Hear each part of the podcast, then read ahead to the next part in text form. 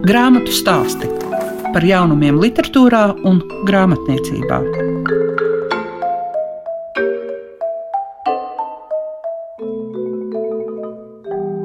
Šoreiz grāmatu stāstos Birskā no pārpilnības raga, jo būs gan par Pavlīnas Kaurkovas ziedu dvēseli, par Maikla Spicera homo mūzikus, kas ir dzīvības vēsture uz zemes. Tā ir populāra zinātniskā grāmata. Vēl arī par Donalda Kajaka ezers un citas pavadošās personas, kā arī tulkotāja Dace Meijere pievērsīs lielāku uzmanību no lietuviešu valodas tulkotajām grāmatām, kas domātas vairāk tā kā jauniešiem. Un vēl Ežēna UNESCO piezīmes par un pret. To visu raidījumā grāmatu stāsti jums piedāvā Lieka Piešiņa. Grāmatu stāsti programmā Klasika. Kā tulkotājai Dacei Meirai izdodas atrast tik labas jauniešu grāmatas, kas nāk no Lietuvas? To es viņai pašai pajautāšu. Divi veidi. Viens es aptaujāju dažus uzticamus draugus, kuriem pašiem ir bērni, gan bērnu, gan pusauģu vecumā, un sekoju viņu ieteikumiem, jo tie paši ir literāti ar labu gaumu. Un otrs, es mēģinu sekot līdzi, kas Lietuvā saņem balvas, un tad lūdzu reizēm, lai man atsūta vai autori, vai aģenti, vai izdevēji, un cenšos sekot līdzi visam. Protams, es nevaru izsekot, bet reizēm paveicis, un tad daži tie brīnumi man pašai ļoti, ļoti patīk, un es priecājos, ka viņi ir tikuši līdz latviešu lasītājiem. Šī gadījumā jāsaka, ka viņi ir nonākuši pie tiem latviešu jaunajiem lasītājiem, kuri ir gatavi aizpildīt anketas, arī anketas arī tad, kad varbūt to nemaz īsti negribas, bet viņi vienmēr sakot piedalās bērnu žūrijā, un vai tu varētu par tām grāmatām arī pastāstīt? Tātad tie ir melnzelmi. Gandrīz samīcinājos, jo man joprojām pa galvu jaucas darba nosaukums, kurš bija citāts no procesā.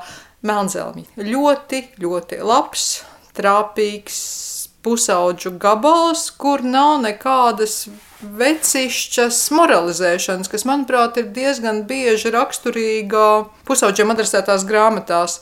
Tur nav nekādas uzspēlētības, liekulības, redz dzīve tāda, kā viņi ir, ar sāpēm un pārdarījumiem un iespējām no pārdarījumiem tomēr atgūties.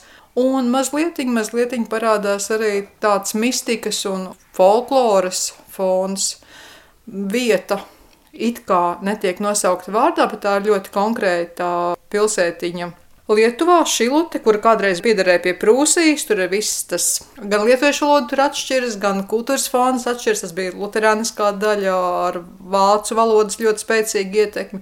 Tā ir vieta, kur upe regulāri pārplūdina. Tad tur pieminēta ostas pilsētā, protams, ir Klaipēda, un ir pieminēta galvaspilsēta, kas, protams, ir Viļņa, bet nekur šie vārdi neparādās konkrēti, bet visas reālijas ir ļoti, ļoti precīzas no Šilutes, kur arī autori pati dzīvo. Šajā grāmatā ir tā dažādība, kas ir, ka tu apbrīno cilvēku, kuru tu ienīsti. Vai to tu domā, ka var darīt tikai jaunībā? Nu, es domāju, tas ir katram vecumam, un jebkurā gadījumā visas patiešām labās bērnu un pusauģu grāmatas ir lasāmas jebkurā vecumā. Man šķiet, ka tas vispār ir labs grāmatas pazīme, ka nav tik precīzi noteikts kaut kādas vecuma robežas. Un Es zinu stipri daudzus pieaugušos, kas gan Melnzelmes, gan Kotrīnas Zīles, abas latviešu tulkotās grāmatas, tad samainītais un Vēsels viesmaiņu kārbiņā lasījuši ar tikpat lielu aizrautību, kā it kā cilvēki, kuri pēc vecuma grupas būtu atbilstošāka auditorija. Tas tāpat kā mēs lasām mūmīnus vai citas labas grāmatas. Ir tā, ka to interesanto grāmatu jau ir diezgan daudz, un uh, bērnu žūrijā nav iekļūst tieši zīles. Kotrīnas zīles grāmatas abas divas savukārt izceļas ar to, ka Kotrīna perfekti paņem lietuviešu, vai arī plašāk skatoties baltu mitoloģisko materiālu, un iemiksē viņu ikdienā, mūsdienu pilsētas dzīves ikdienā. Samainītais, kas iznāca pirms dažiem gadiem, tā ir vairāk pusauģu auditorijai, stāsts par, par pirmo mīlestību ļoti spēcīgi, par vidusskolēniem, mākslas skolas audzēkņiem. Savukārt Vēseles viesmaiņa kārbiņā ir adresēta it kā mazliet jaunākiem lasītājiem, tādiem ap 9, 10 gadīgiem, bet arī tā būs interesanti pat pieaugušiem, gan paskatīties, cik lieliski, cik precīzi var paņemt mitoloģiskās būtnes un ielikt tās mūsdienu vidē, cik precīzi var iztēloties, kā darbotos tie paši mīti, tie paši personāļi šajā vidē. Un tas, domāju, ir jebkura vecuma lasītājiem ir interesanti. Plus visu papildina, protams, Kotrīnas Zīles pašas ilustrācijas, kas atkal tie nav zaķīši, kaķīši ar apaļām aciņām un skropstu plakšķināšanu, bet tā ir normāla laikmetīgā māksla. Un uh, tagad es lūkšu, lai tu raksturo to, kur man tagad visvairāk gribētos būt, jo mums ir karsti. Es gribētu ezerā sēdēt tā, nu, līdz uh, lūpu galiņiem, ausu galiņiem. Grāmata, kas saņēma literatūras gada balvu par tulkojumu. Jā, tātad tas ir dzīvā lietuviešu literatūras klasiķa Donalda Kajoka romāns Ezers un, un tālāk sako garš nosaukums. Viņš Lietuvā ir vairāk pazīstams kā dzēnieks. Un arī šajā grāmatā viņš ir iemiksējis ļoti, ļoti daudz savu tekstu, savu dzīslu tekstu. Gan kā dzīslis, gan kā atsevišķas rindas, gan kā atsauces uz saviem tekstiem, kas ir vienkārši paslēpts prozā. Un es ceru, ka diezgan drīz latviešu lasītāji varēs vairāk lasīt arī tieši dzēju. Cik man zināms, Emīļa Grigorjeva strādā pie viņa dzīslu krājuma atzīšanas. Ir bijušas arī viņas atzījumā, un Jāņa Elsberga atzījumā domzīmē, un šķiet vēl kaut kur arī tādas dzīslu kopas no šī autora. Andris Akmentiņš šo grāmatu raksturojot, teica, ka viņam visi plāni tika nojaukti, jo viņš bija literatūras gada balvas žūrijā. Viņš nespēja to grāmatu lasīt ātri. Jā, to viņš man arī teica. Tas ir viens no labākajiem komplimentiem, ko es par šo tekstu esmu saņēmusi. Ja katrs vārds ir jāizlasa un katrs teikums ir jāizgaršo, tas nozīmē, ka gan autoram, gan tulkotājiem laikam gan ir sanācis gluži labi. Autors ir ļoti daudz spēlējis ar valodu. Atzīšos, ka man brīžām tas šķita pat mazliet pašmērķīgi. Varbūt tāpēc, ka laiks, kad es to tulkoju, bija, tas bija pasaulē bija pārāk daudz šausmu, un varbūt arī manā ikdienā bija pārāk daudz bēdu un grūtību. Un man bija pagrūti vienkārši ļauties ezeram, mošķiem, jaunradītiem vārdiem, tādam spēles priekam ar valodu, kur valoda spēlējas pat ar sevi.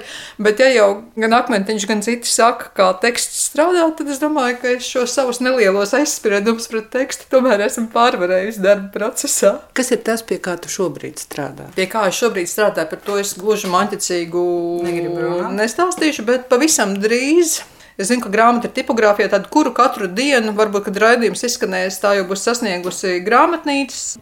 Rozes apgādes izdod Marinu Žāri. Kas ir Marina Žāre? Tā ir itāļu literatūras klasiķe. Saņēmusi arī dažas diezgan ievērojamas literatūras balvas, bet palikusi vienmēr tādā otrajā vai trešajā plānā. Tad nesen viņa varētu teikt, ir jaunatklāta, jo milzīgi popularitāti guva viņas tekstu tulkojumā angliski. Un Itālijā ir jauni izdevumi viņas grāmatām, ar ko izceļas Marina Žāre, ar to, ka viņa ir dzimusi Rīgā 1925. gadā. Viņas māte bija Klāra Koisona, kura šeit pasniedz itāļu valodu universitātē un citās iestādēs. Un savukārt tēvs ir no vietējās ebreju kopienas Samuēls Garsoni. Tātad viņa piedzima kā Marina Garsoni. Bet vecāki šķīrās, un tad 35. gadā māte viņu aizveda, faktiski nolaupīja bez atļaujas, nelikumīgi uz Itāliju, kur viņa savukārt dzīvoja Ziemeļitālijā, netālu no Turīnas. Starp citu, nevis itāliskā, bet franču valodīgā vidē. Tātad viņa ir meitene, kas šeit runāja ģimenē vāciski, viņas pirmā valoda ir vācu. Savukārt mātes ģimene vēsturiski runā franciski. Tātad viņi nonāk franču valodīgā vidē, kur tā franču valoda atšķirās no literārās franču valodas. Un tūlīt pēc tam viņi ir spiesti skolā mācīties arī itāļu valodu. Tad viņi reizē mācās franču un itāļu. Bet kļūst par itāļu rakstnieci, un tas mazliet ir jūtams arī viņas valodā. Tas ir īpatnēji. Latvijas tagad iznāks viņas grāmata Tālie tēvi, Tas ir autobiogrāfisks darbs, un pirmā daļa ir veltīta tieši viņas bērnības atmiņām par Rīgu un Latviju, un tā, manuprāt, ir visinteresantākā. Grāmatu stāsti tiem, kam grāmatu lasīšana ir vērtība. Ziedu dvēseli, man liekas, ka vēl tagad mēs lūkojamies vai nu savos dārzos, vai pastaigājoties par to, cik skaisti tad ir ziedi. Jāņa Rozes apgādā ir iznākusi Pavlīnas Korkovas grāmata Ziedu dvēsele, Renāta Punka par šiem krāšņākajiem ziediem pļavās un dārzos arī dažus vārdus teiks. Nu, pavisam dažus. Es domāju, šī grāmata noteikti ir galvenokārt baudījums acīm, tāpēc, ka autora Paulīna Korkova ir māksliniece, kura guvusi starptautisku atzinību tieši ziedu gleznošanas jomā. Un, nu, ja mēs neesam Latvijā tik daudz pieraduši pie tā, ka ziedu gleznošana var būt patiešām vesela mākslas nozare, kurā ziedu gleznotāji pat pulcējas dažādos kongresos un asociācijās un biedrībās Festivālo. un festivālos, tad eh, citās pasaules valstīs, kur šādu cilvēku ir vairāk, protams, pastāv arī šādas asociācijas, un Paulīna Korkova ir gan eh, Lielbritānijas, gan arī Amerikas botānikas gleznotāju asociāciju biedre un piedalīsies arī izstādēs, un viņas gleznotos ziedus piemēram, īsakvarela pienenes uz melna fona ir savā laikā izmantojusi e, plantāji, kas ir pasaulē lielākā botāniskās mākslas izstāde savam plakātam. Un tā kā acīm redzot, viņas daļradī novērtē daudz kur pasaulē. Viņi ir arī saņēmuši žūrijas atzinības balvu Seulā mākslas izstādē, kas notika Dienvidkorejā. Un jāsaka, ka tā ziedu un augu mīlestība viņai ir nākusi kopā ar izglītību, jo viņa ir izglītojusies gan bioloģijā, gan arī daļu dārzniecībā un ainau plānošanā, un visas šīs zināšanas tad arī palīdz ļoti precīzi, bet arī pietiekami romantiski, poētiski, dvēseliski attēlot ziedus un tik skaisti, ka tas ir arī tapis un, un apkopots grāmatā, kam ir šis skaistais jaukais nosaukums ziedu dvēseli. Un, nu, tā kā latvieši, protams, ir gan dārzkopji, gan, gan ziedkopji un ziedu mīļotāji, tad uh, aicinu, jā, paskatīties un droši vien savam acu un, un sirds priekam šī grāmata noderēs. Krāšņākie ziedi pļavās un dārzos, jā, šī ziedu dvēsele, bet mēs varbūt varam pievērsties vēl muzikālai pusē. Dzīvības vēsturi uz zemes un Maikls Spicers. Nu jā, šī ir grāmata, viena no šī gada apjomīgākajām pagaidām grāmatām, kas mūs aizvilina uz skaņu pasauli. Un uh, Maikls Spicers, kurš ir uh, Liverpools Universitātes mūzikas nodaļas profesors ar tādu diezgan raibu biogrāfiju, dzimis Ungāru ģimenē Nigērijā, bērnību pavadījis Izrēlā, un tad Jomkipur laikā ir uh, jau no 73. gada dzīvo Lielbritānijā, kur arī ir beidzis koledžu Oksfordā un ieguvis doktora grādu Southamptonas universitātē. Viņš ir gan pianists, gan pasaulē atzīts Beethoven eksperts un daudz raksta par mūzikas filozofiju un psiholoģiju. Nu, tad tieši šī filozofija, psiholoģija, antropoloģija, vēsture, visas šīs jomas, kas eh, saskars ar mūziku, bet nu nav gluži pati mūzika, ir tas, kas diktē šo nosaukumu homo mūzikus gadus. Un Spicera vēlme ir bijusi, es mazliet salīdzinātu viņu ar to literatūras paņēmienu, ko tagad pēdējā laikā daži ārzemju rakstnieki ar lielām sekmēm izmanto, ka no mūsdienām, no šī brīža skaitīt laiku atpakaļ. Sākumā īsāku nogrieznīti, pēc tam jau garāku nogriezni, pēc tam jau varbūt iespējams kā šajā grāmatā pavisam, pavisam tālā pagātnē. Jo grāmatā ir trīs nodaļas. Pirmā ir dzīve, otrā vēsture un trešā ir revolūcija. Par dzīvi, kā jau mēs varam nojaust no nosaukuma, tā tad tas ir mūzika cilvēka mūža griezumā. Spīcers mēģina ieskicēt mūsdienu mūzikas lomu mūsu sabiedrībā, mūsu attiecības ar šo mūziku. Viņš runā gan par mūzikas izglītības lietām, gan par to, kā ir mainījusies mūsu uztvere. Un eh, ļoti interesants dažādus piemērus stāsta gan no tā saucamās akadēmiskās mūzikas pasaules, gan arī no džēza un, un populārās mūzikas. Un viņš piedāvā mums izstaigāt šīs eh, mūzikas takas, piemēram, Liverpūles centrā, iejūkot eh, sestdienas dienas pēcpusdienas iepirkšanās burzmā un, un, un aizved mūs uz krodziņiem, kur ir sākuši spēlēt bītli un ļoti daudz dažādas atsaucas, reminiscences, pārdomas. Reizēm spekulatīvas, bet ļoti, ļoti interesantas teorijas, kas ir savītas tādā, tādā ārkārtīgi krāšņā un es teiktu tiešām uz domāšanu iedvesmojošā kokteilī. Bet kā ir, piemēram, mūzika un skaņa? Vai arī to atšķirību viņš prot precīzi parādīt? Nu, troksnis, klusums, vai skaņa ir mūzika. Protams, ka skaņa gluži katra skaņa nav mūzika. Tā pašā laikā Spicers mūs provocē. Piemēram, trešajā daļā runājot par evolūciju, viņš ir šīs nodaļas nosaucis dzīvnieks, cilvēks, mašīna un 11 mācības par mūzikas dabu. Un viņš mūs aizvilina krietni tālu pagātnē, kad um, homo erectus, ergastus un visi pārējie sapiensus, protams, ieskaitot, vēl nav radušies. Un, un tas viņa jautājums ir, kurā brīdī tad mēs varam runāt par to, ka rodas mūzika. Jo Spicers ir skaidri pārliecināts, ka muzikalitāte un cilvēces vēsture ir nesaraujami saistītas. Un, un, un viņš, kā jau es teicu, mazliet provocējoši piešķirtai ļoti, ļoti nozīmīgu lomu un, un, un arī aicina mūs mūsdienās padomāt par to gan izglītības, gan savas attieksmes sakarā par to, ka šī muzikalitāte un mūzikas cilvēciskums ir, ir tie faktori, kas iespējams cilvēces attīstību ir ietekmējuši būtiskāk nekā mēs to paši apzināmies. Bet viņš arī mēģina paskatīties tiešām ļoti dažādos laikmetos, gan senos mūzikas instrumentus un skaņu tādas, teiksim, vārda mākslā saglabājušās iespējams atmiņas par skaņām vai kaut kādos arheoloģiskos izrakumos konstatētas lietas savīt kopā ar mūsu attieksmi pret mūziku, aizejot pat tik tālu, ka tur ir, ir šīs um, pārdomas par to, kuri dzīvnieki ir muzikāli un kuru balsis un radītās skaņas mēs varam uzskatīt jau par mūziku, un kuri tomēr ir vēl tikai sazināšanās veids. Un, uh, ir ļoti skaisti piemēri, kas ir saistīti ar vaļu dziesmām, ir par putniem, ir par daudzām citām sugām, un tad tiek konstatēts, nu, ka jā, ir tāds mistisks trūkstošais posms starp uh, skaņām, kas ir pastāvējušas gaisā un no ūdenī, un uh, tad mugurkaulnieki muzicējošie, tādu mums nemaz tik daudz nav. Grāmatas sniedz tiešām tādu plašu ieskatu dažādos veidos, kā klausīties mūziku, kā par mūziku domāt, uh, kā mūzikā dzīvot. Un, jā, man šķiet ļoti jauki un simboliski, ka mēs, kas tiešām esam šī zeme, kas dzied, saņemam šo grāmatu par homo mūziku uz dzīvības vēsturi uz zemes vasarā, kad mēs tiešām esam ļoti daudz laika paši pavadījuši mūzikā.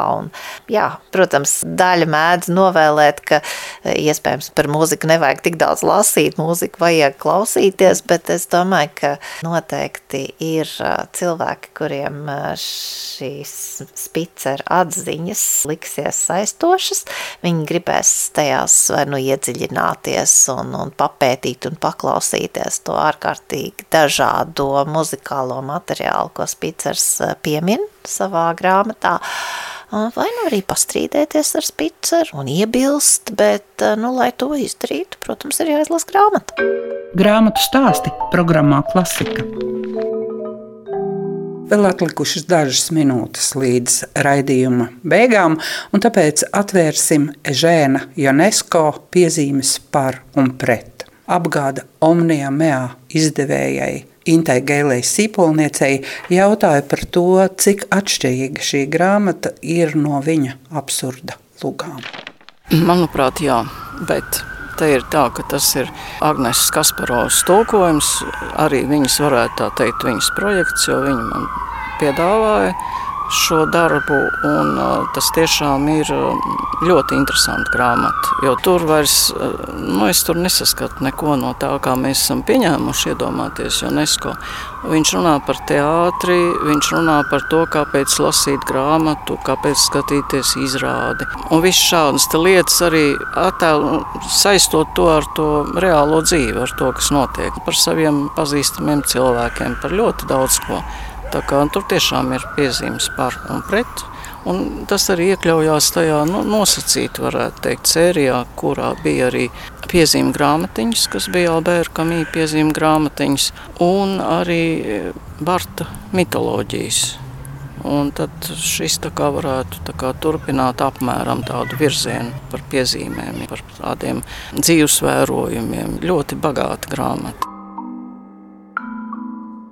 Izskan grāmatu stāsti. Šīs dienas raidījumā dzirdējāt par Pavlīnas Kaurkovas ziedvēseli, Maikla Spicera homo mūzikus dzīvības vēsturi uz zemes, Ežēna Jonesko piezīmes par un pret, Donalda Kajaka ezers un citas pavadošās personas, un dažas grāmatas es pat iemanījos vēl jums atteikumā nenosaukt. Tā tad izvēle liela, un cerams, ka jums ir arī laiks un vēlme lasīt. Visu labu jums saka Liega Piešiņa. Grāmatu stāsti par jaunumiem literatūrā un grāmatniecībā ik trešdienu, 9.5. ar atkārtojumu Svētdien, 18.15.